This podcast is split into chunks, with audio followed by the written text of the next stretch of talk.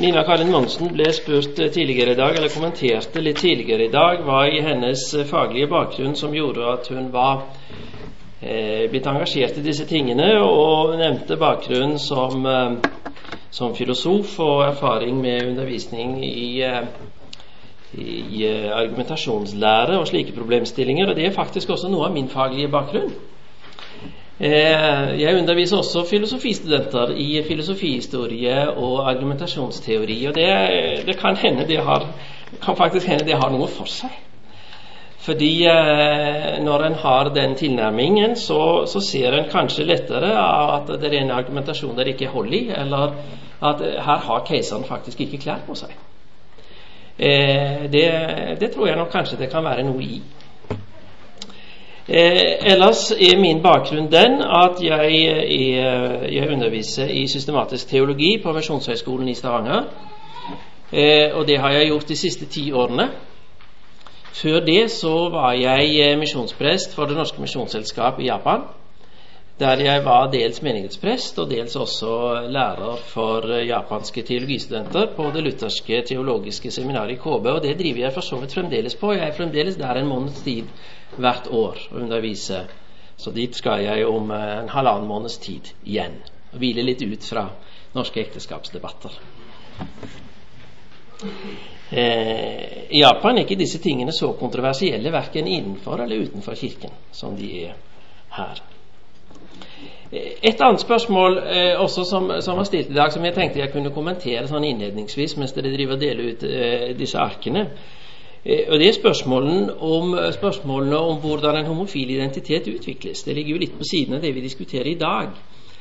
Eh, men eh, det er jo også et interessant spørsmål med en viss, med en viss relevans for disse problemstillingene. og Der tror jeg nok at den faglige konsensus går nokså entydig i retning av at tanken om en medfødt seksuell identitet, den er død.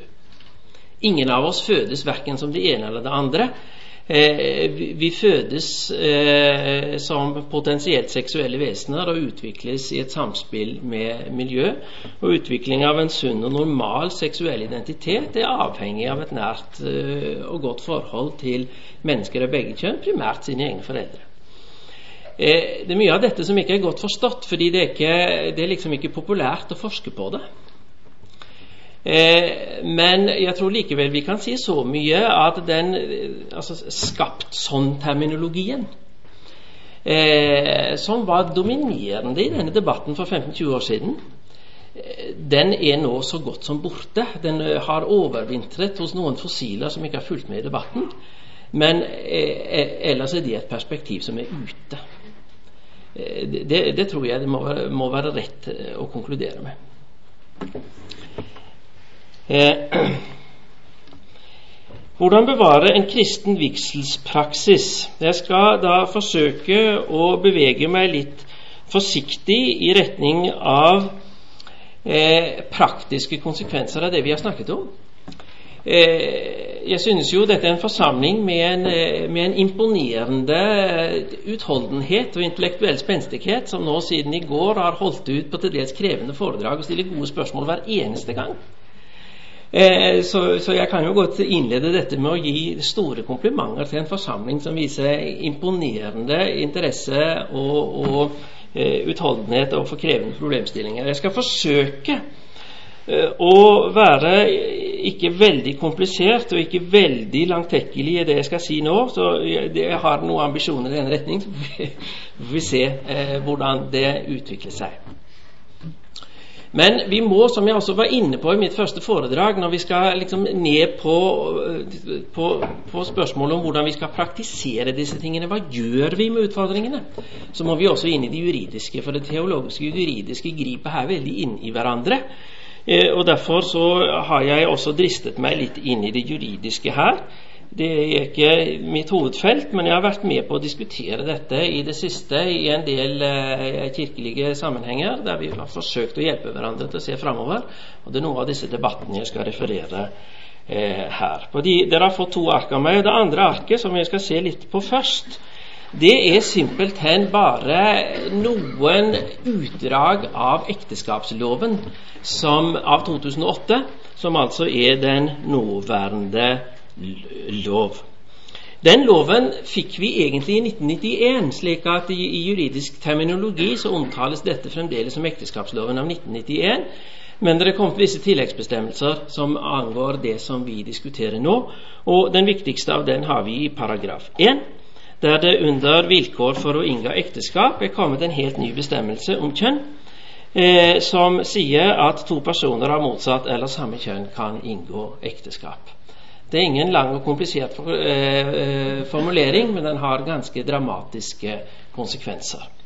Mange av de konsekvensene som vi har snakket om før i dag, er juridisk fanget opp av andre lover enn ekteskapsloven. Så vi, For å ta dette i sin fulle bredde så må vi inn på adopsjonslov og bioteknologilov og sånne ting. Det skal jeg ikke se på nå. Nå skal vi kun se på ekteskapsloven og det den sier om hvordan ekteskap inngås og, hvordan, eh, og, det jeg nå skal forsøke å innlede en diskusjon om, er hvordan vi skal tenke om dette nå. Eh, I kapittel 3, inngåelse av ekteskap, vigsel, så står det da i paragraf 11 om framgangsmåten med vigsel. Og Det er en paragraf som har stått uendret siden 1991. Eh, dere ser det står ikke noen merknad under den og, og, om endring. Der står det at ekteskap inngås ved at brudefolkene møter for en vigsler. Mens begge er til stede, skal de erklære at de ønsker å inngå ekteskap med hverandre, og deretter skal vigsleren erklære dem for ektefolk. Den, den, bestemmelsen er ikke blitt endret nå, den har stått uendret siden 1991, men den er ganske interessant likevel. For det som skjedde da denne loven kom, var at den kristne forståelse av ekteskap opphørte å være bestemmende for norsk lovgivning, og det opphøret har vi i denne paragrafen. Fordi når en inngår ekteskap i Kirken, så lover en å ville leve sammen i gode og onde dager inntil døden skiller en. Og Den forutsetningen gjaldt også i norsk lovgivning inntil denne loven. Men i 1991 så ble den betingelsen opphevd, og det var tilstrekkelig å inngå ekteskap at en sa at en ville inngå ekteskap. Uten noen videre betingelser. Samtidig ble også skilsmisselovgivningen endret. Dette er litt vesentlig å ha med oss som bakgrunn for den debatten vi fører nå. For vi fører den av og til under forutsetning av at eh, vi har hatt en, eh, en kirkelig velbegrunnet ekteskapslovgivning i Norge inntil endringen som gjaldt fra 1.1. i år. Men det er ikke riktig. Det grunnleggende premisser for den kristne ekteskapsforståelse som falt bort allerede i 1991, og, og det er blitt dramatisk forverret med den loven vi har fått nå. Så er det en paragraf 12 som gjelder hvem som har vigselsrett, og den er også interessant i den sammenheng. Den sier at vigslere, altså de som har rett til å foreta vigsel etter, eh, etter denne loven, det kan være prester i norske kirke, og prester og forstandere i et registrert trossamfunn, eller seremonialledere eller tilsvarende i livssynssamfunn. Og så står det noen nærmere betingelser av det. Det kan være B notarius publicus, som altså i praksis vil være sorenskriveren. Det er det som uh, kalles for borgerlig inngåelse av ekteskap. Eller norsk utenrikstjenestemann eller særskilt vigsla. Det er A og B her som er interessante. Altså prester i Den norske kirke eller registrert trossamfunn kan vie eller eh, notarius publicus, altså sorenskriver på det offentliges vegne, og de er likestilte. Eh, så har vi en paragraf 13 som også er interessant. Fordi den sier, eh, den stadfester i hvilke tilfeller en vigsler kan nekte å, eh, å foreta vielse. Eh, det første er i og for seg selvfølgelig og ukontroversielt. En kan nekte å foreta vielse dersom den ene eller begge brudefolkene ikke er medlem av eget tros- eller livssynssamfunn. Det er i og for seg selvfølgelig ukontroversielt. En prest i Den norske kirke kan ikke tvinges til å vie to muslimer. Og omvendt. Eh, men når vi går over på den neste side, så får vi jo mer for en mer interessant formulering. Der står det at en kirkelig vigsler kan også nekte å foreta vigsel dersom en av brudefolkene er skilt og den tidligere ektefellen lever. det er den gamle bestemmelsen, som nå har fått en tilleggsbestemmelse, eller dersom brudefolkene er av samme kjønn. Det er fra én side sett en kurantformulering, fra andre side sett så er det det ikke. Altså, kirkelige vigsler kan ikke pålegges å vie brudefolk av samme kjønn. Det er to ting som er påfallende ved den måten dette er formulert på. Det ene er at reservasjonsretten er begrenset til reelle kirkelige vigslere. Vigslere i registrerte trossamfunn har ifølge lovens paragraf ikke rett til å nekte.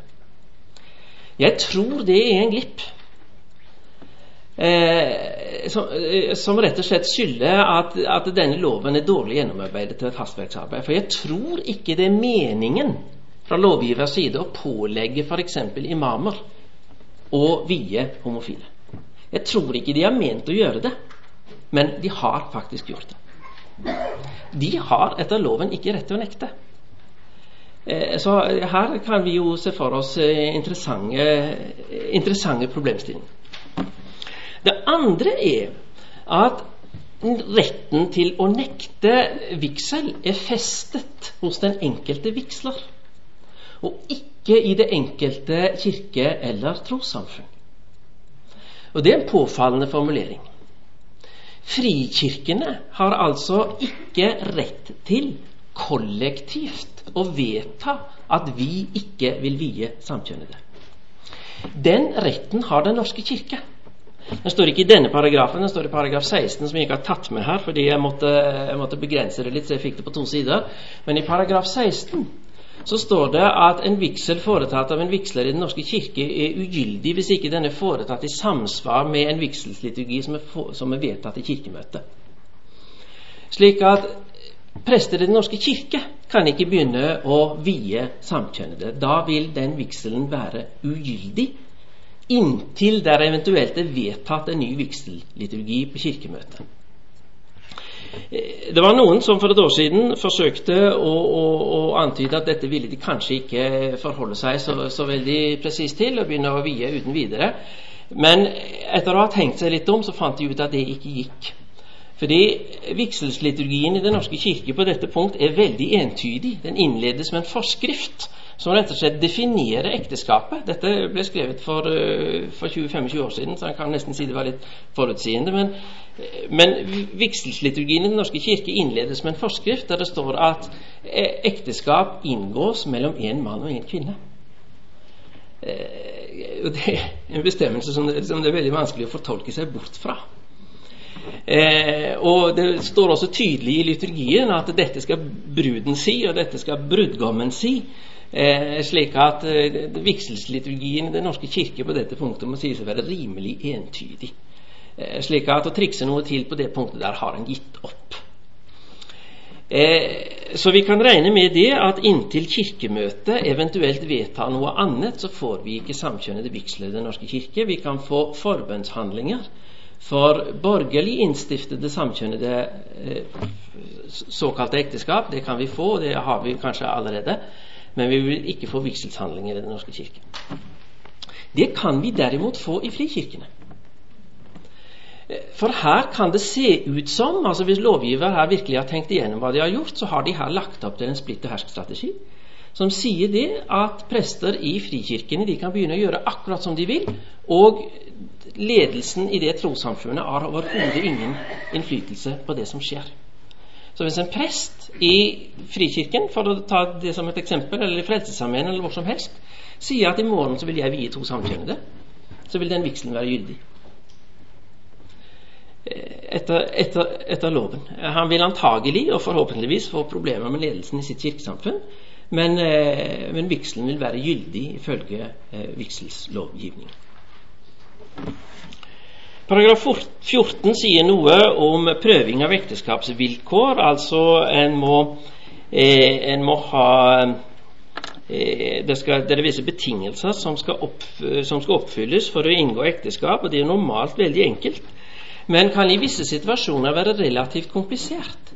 Særlig hvis den ene av brudefolkene er utlending, for da må det foreligge juridisk holdbare dokumentasjon på at vedkommende ikke er gift fra før. Dette er, det, dette er et eh, felt som det er potensielt problematisk å gå inn på, og det vet alle sokneprester i Den norske kirke som har drevet med selvstendig prøving av ekteskapsvilkår tidligere. Dette, dette er, ser enkelt ut på papiret, men det er ikke alltid helt enkelt i praksis. Eh, eh det, som, det som nå skjer, Eh, det som er situasjonen nå, er at den prøvingen er, foretas av folkeregistermyndigheten. Slik at en som kirkelig vigsler for så vidt er fritatt fra å ha et selvstendig ansvar i forhold til det. Men tidligere så hadde vi det. Så er det paragraf 18 som sier noe om anerkjennelse av ekteskap inngått i utlandet.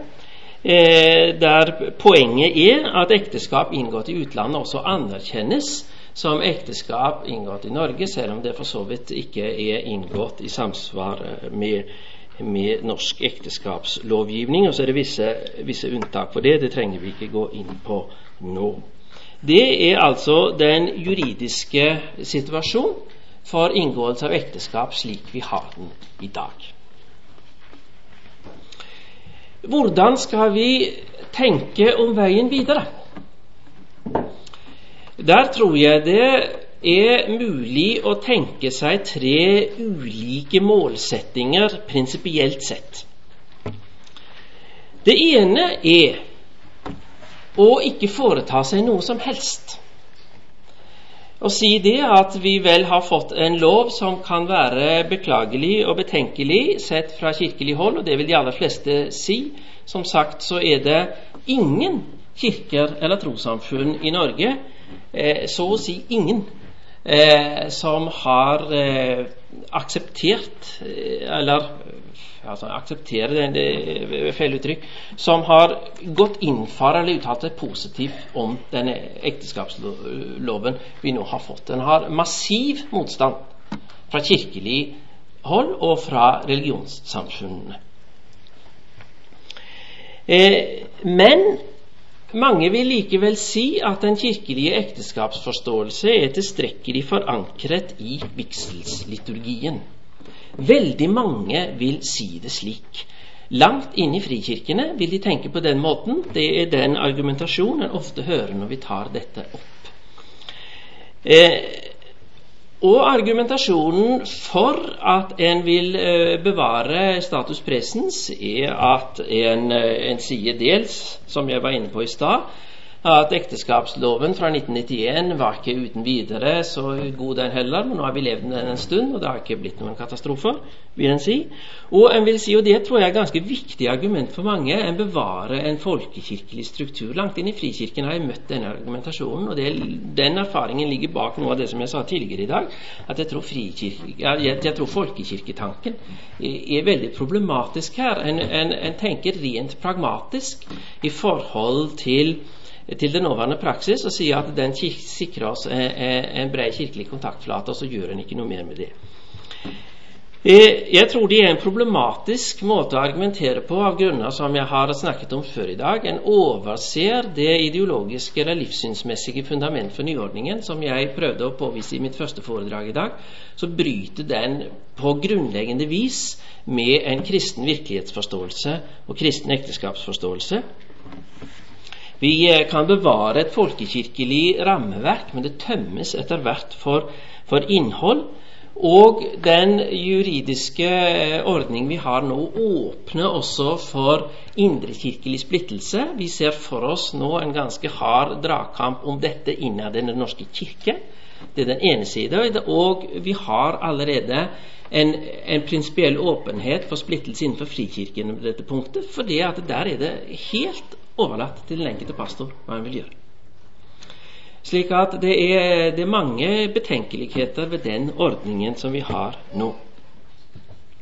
Et alternativ som mange har tatt til orde for, er å avskaffe den kirkelige vigselsrett fullstendig og gå over til en obligatorisk borgerlig vigsel. Eh, og da kan likevel brudefolkene møte fram i kirken etterpå, men da vil en i kirken foreta en forbønnshandling der en ber for de eh, ektefolk som allerede har inngått ekteskap.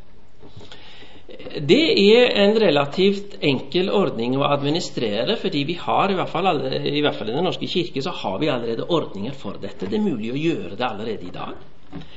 Eh, og vi, eh, vi, får ingen problemer med ekteparets juridiske status. De vil fremdeles være viet i forhold til, i forhold til eh, den eh, offentlige ekteskapslov. Og en unngår i hvert fall ett problem med den nåværende situasjonen, og det er at en kirkelig vigsler vier ekteparet, ektefolkene, på grunnlag av en antikirkelig ekteskapslov. Det problemet vil løses på den måten. Det problematiske med denne ordningen vil jo da være at ekteskapsinngåelse på kristne premisser blir prinsipielt umulig. For da må all ekteskapsinngåelse juridisk sett skje i henhold til den ekteskapslov vi nå har, altså eh, på grunnlag av likestilling mellom samkjønnede og tradisjonelle eh, ektepar. Det gjør at en fratar kristne, og for så vidt også tilhengere av de aller fleste andre religioner, det, den i utgangspunktet selvfølgelige rett en skulle ha til å inngå ekteskap på en måte som stemmer overens med ens trosoverbevisning. Dermed så kan en argumentere for at en slik ordning antagelig vil stride mot religionsfrihetsprinsippet, fordi det fratar oss muligheten til å inngå ekteskap i samsvar med kristen ekteskapsforståelse. Så Det er det problematiske med tanken om obligatorisk borgerlig vigsel. Den løser kanskje noen av problemene vi har i dag. at Den løser i hvert fall ett viktig problem, nemlig det at vigsler da ikke lenger trenger vie på statens vegne. Men det blir mange vesentlige problemer igjen. Derfor kan en tenke seg en tredje modell, i hvert fall som en langsiktig målsetting. Altså, og, og, det vil da være en selvstendig kirkelig vigselsrett som langsiktig målsetting. Det kan kanskje synes som en urealistisk målsetting i dagens situasjon, og det er antagelig også på kort sikt. På den annen side så er det jo eh, ganske sikkert at hvis ikke vi vet hvor vi vil, så kommer vi i hvert fall ikke dit så eh, skal dette i det hele tatt være en realistisk målsetting, så er det viktig at en tenker igjennom om det kanskje er dit en vil. Det som ligger i denne modellen, er at kirkene ivaretar alt ansvar for ekteskapsinngåelsen på en selvstendig måte. Da overtar kirkene altså det som i loven kalles for prøving av ekteskapsvilkår. Eh, om brudefolkene tilfredsstiller de nærmere spesifiserte krav for å inngå ekteskap, f.eks. det at de ikke er gift fra før. Eh, og eh, ekteskapet eh, og det som, det som, eh, Den handling som foregår i Kirken, er en ekteskapsinngåelse der presten er den som vier, men han har ikke sin fullmakt til å vie fra staten, som vi har i den nåværende lov, men på grunnlag av den kirkelige eh, myndighet til å innstifte ekteskap. Vi har allerede en parallell i lovgivningen i den forstand at, eh, at eh, lovgivningen jo anerkjenner som ektepar de som har giftet seg andre steder enn i, enn i Norge. Eh, slik at vi, eh, vi, vil kunne ha grunnlag for å kreve anerkjennelse av ektepar som gift. Eh, eh, se, selv om de her altså har inngått ekteskap etter en selvstendig kirkelig handling som ikke er foretatt på grunnlag av den sivile eh, ekteskapslov. Det, er, det vil være en krevende, krevende strategi å få til. Fordi det vil være stor motstand blant de politiske myndigheter for å anerkjenne en sånn ordning. Eh, og det vil jo da også medføre at Kirken må påta seg et selvstendig juridisk ansvar for de juridiske sider ved ekteskapsinngåelsen, og det vil jeg antagelig ikke i stand til å gjøre sånn umiddelbart og på kort sikt. Men eh, som en langsiktig målsetning så tror jeg det skal være, eh, skal være realistisk.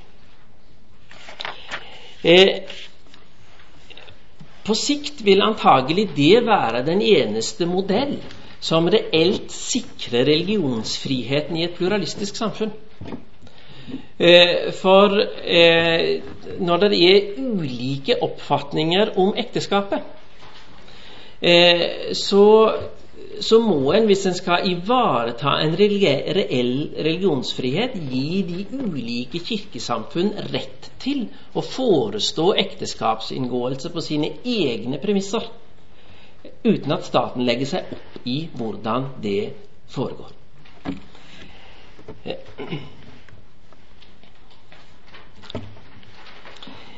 Hvis vi har det som en langsiktig målsetting, så må vi tenke igjennom det som jeg sier litt om under punkt tre her, nemlig mulige strategier på kort sikt. Fordi en selvstendig kirkelig ekteskapsinngåelse med, med anerkjennelse fra, fra, myndighetenes side av en ekteskapsinngåelse som de overhodet ikke har noe med og noen innflytelse over, det er ikke noe vi får til i neste uke. Det tror jeg vi kan, eh, vi kan gå ut fra, vi kan gå ut fra nokså sikkert. Da må vi ha en strategi for hvordan vi kan håndtere disse problemstillingene på kort sikt. Det kommer ungdommer og, og banker på prestekontorenes dører eh, hele tiden, og, og, de skal gifte seg. Og vi må, uten at vi har de ideelle, langsiktige løsningene på plass, så må vi kunne si noe fornuftig. Vi må kunne veilede dem. Hvordan vil vi eh, gå inn for at en ansvarlig eh, ekteskapsinngåelse for kristne eh, brudefolk skal skje i i vår tid og under de nåværende betingelser. Da skisserer jeg to modeller, og den ene av dem har vi vært litt inne på før i dag. Under 3.1 så skriver jeg noe om det som jeg kaller for kirkelig vigsel med forutgående borgerlig vigsel. Det som i juridisk terminologi kalles for konvalidering. Det vil si at en gifter seg borgerlig men det som foregår i Kirken, er da ikke en velsignelse av et allerede inngått ekteskap, men en selvstendig vigselshandling, som er noe annet. Det vil forutsette at de kirkelige vigsler frasier seg vigselsretten. Eh, fordi en kan ikke ha, ha, ha vigselsrett og foreta en vigsel som ikke skal være en vigsel. Hvis dere skjønte hva jeg mente med det. Eh, altså Hvis en har vigselsrett og, og, har en vigselshandling, så vil, det være en, eh, så vil det være en vigselshandling i lovens forstand. Og Hvis en da skal praktisere denne modellen, så innebærer det at en får en dobbel ekteskapsinngåelse i juridisk forstand, og det vil være uholdbart. Hva sier? Ja? Ja. Altså, det er slik er. Ja. De har, til, borgerlig. Ja. Men det har vi ikke har vi, har hatt en fullstendig ja. kirkevigselssak. Ja. Og det, at ja. ja. Ja, ok. Det, det, det, stemmer for så vidt overens med det jeg sier. Og det er en modell som er verdt å overveie og praktisere i den nåværende situasjonen. Eh, ulempen med det er jo at en da selvsagt vil i noen grad være bundet til den nåværende ekteskapslovgivning. Eh, fordi en, en, ber de håpefulle brudefolk om først å gå til notarius publicus og foreta en, en eh, ekteskapsinngåelse der. Og så kommer en til kirken og foretar en det som er i kirkelig forstand oppfattes som en ekteskapsinngåelse. Det er ikke en, sånn sett en ideell løsning. Men den har en del eh, fordeler som gjør at den kan være vel verd å overveie, i hvert fall på kort sikt. Den er relativt enkel å praktisere. Eh, kirkenes vigslere påtar seg ikke noe selvstendig ansvar for de juridiske sider ved ekteskapsinngåelsen i de tilfeller der det er kompliserte eh, forhold eh, som, gjør det, som, gjør dette vanskelig. Eh, Ekteparets juridiske status blir entydig samtidig som vi unngår den situasjonen vi har i dag, at vigsler vie på statens vegne, for det vil en ikke gjøre da. Da har en ikke viksels, statlig vigselsrett, men, men, eh, men vie ekteparet på, på grunnlag av, av, den kirkelige ekteskapsforståelse. Eh, vi kan si at vi med en slik modell oppfatter den Eh, den, eh, den, borgerlige ekteskapslov som en nødvendig, men ikke tilstrekkelig betingelse for en kirkelig ekteskapsinngåelse. Eh, så har vi under 3.2 det, som det som har vært nevnt litt tidligere i dag. en kirkelig vigsel på grunnlag av en sivilrettslig kontrakt mellom ektefellene. Der en altså foretar en kirkelig vigsel uten en eh, selvstendig kirkelig vigselsrett og uten borgerlig inngått ekteskap. Fra statens side så vil disse ekteskapene da være å oppfatte som samboerforhold. Mens en fra kirkelig side kan selvsagt legge noe annet i dette. Eh, det er også en ordning som har sine sterke og svake sider. Den markerer jo veldig tydelig den kirkelige uavhengighet av ekteskapsloven, og vi unngår helt problemet eh, med at en som kirkelig vigsler vier på, vegne av en, eh, av en ukristelig lov. Det som er problematisk med den, er at ekteparets juridiske status kan, bli, kan, være noe uklar, i hvert fall de første årene etter ekteskapsinngåelsen. Og den kan også oppfattes som en kirkelig legitimering av samboerforhold. Og samboerskapet er ikke noe vi uten videre skal ta, skal ta lettvint inn i, i vår kirkelige tenkning her. Fordi også samboerskapet er noe som ideologisk er motivert med en ganske bevisst motstand mot en kirkelig ekteskapstenkning. Det, det tror jeg er et forhold som vi, som vi skal ha, ha, med i betraktning. Altså Samboerforhold i utgangspunktet begrunnet i et ønske om å redusere ekteskapet til et forhold mellom de to. Og unngå den offentlighetskarakter ved ekteskapet som alltid har vært vesentlig. Eh, og Derfor så er det viktig, om en skulle bevege seg i retning av en slik modell, å være veldig bevisst på at det er ikke en kirkelig legitimering av samboerforhold vi er ute etter. Det er noe som da i hvert fall må gjøres veldig tydelig. og er ikke, ikke, Jeg er ikke helt sikker på om den forskjellen er så enkel å forklare for de eh, som kommer til Kirken og skal gifte seg, og som kan ha eh, ulike forhold til samboerskap i utgangspunktet.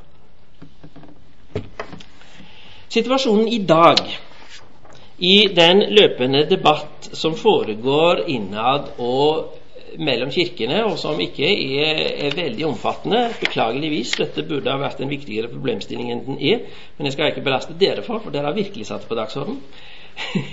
Så det er noe med det å, å jeg skal skal ikke kjenne på de som ikke er til stede. Det, eh, i, I den debatt som, som foregår, så, så, vil Den norske kirke i hvert fall, og mange av frikirkene også, arbeide ut fra den modellen som jeg har kalt for 2-1.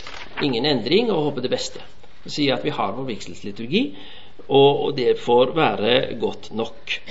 2.2, eh, altså obligatorisk borgerlig vigsel, er under overveielse både på politisk og kirkelig hold. Det er politikere også som har, som har, vurdert om en skal gå inn for denne ordningen. Og den ble vurdert i forbindelse med den nye ekteskapsloven uten at det der kom så veldig langt.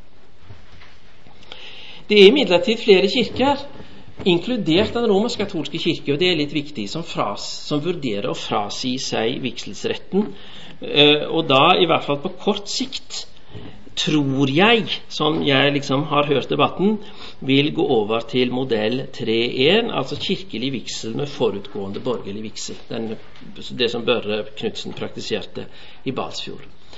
Eh, jeg tror at vi i løpet av høsten vil, se, vil få en avklaring hvordan både den romersk-katolske kirke og noen av frikirkene gjør på dette punktet. Og Hva den romersk-katolske kirke gjør her, er hadde jeg hatt på å si, uansett hva vi ellers ville mene om den romersk-katolske kirke, det er faktisk viktig.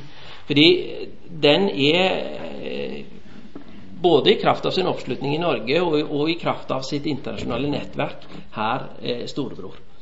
Eh, hvis den, hvis den romersk-katolske kirke skulle frasi seg vigselsretten eh, på grunnlag av den nye ekteskapsloven vi har fått, så er det noe som vil bli lagt merke til. Hvis en to-tre små frikirker skulle gjøre det, så, så, så, vil, så vil, ingen bry seg. Eh, men, hvis, men, hvis, flere kan gjøre det sammen, inkludert den romersk-katolske kirke, så er dette noe som vil bety noe, og som politikere vil ta hensyn til. Så i så fall vil det få betydning for den videre diskusjonen om saken. Det skal være en konferanse i Oslo om tre uker, vel? Er det ikke det? Eh, der dette skal tas opp som en, eh, som en diskusjon mellom flere ja, Både du og jeg skal være der, så vi får følge debatten videre. Eh, med, med, flere, eh, med, flere, kirker skal diskutere dette sammen. Eh, vi har forfattet et utkast til en felleskirkelig erklæring om ekteskapet eh, som veldig tydelig eh, peker på det problematiske i situasjonen og også ganske tydelig utfordrer til handling på dette her. og Den vil også bli diskutert og muligens også offentliggjort i forlengelsen av det seminaret. For Jeg syns det er en veldig god erklæring, for jeg har vært med og skrevet den. Eh, så eh, det er, er, ikke helt dødt på denne fronten. Det skjer visse ting, og det vil komme en avklaring i, i løpet av høsten, selv om det ikke er helt klart enda nøyaktig hvor vi havner. Men eh, da er det vel kanskje med det sagt så er det vel kanskje en grunn for meg til å eh, gå inn for landing her og så lytte til eh, debatten som eh, jeg håper vil komme nå, og håpe at jeg også får synspunkter som jeg kan ta med meg videre inn i diskusjonen om, om disse tingene.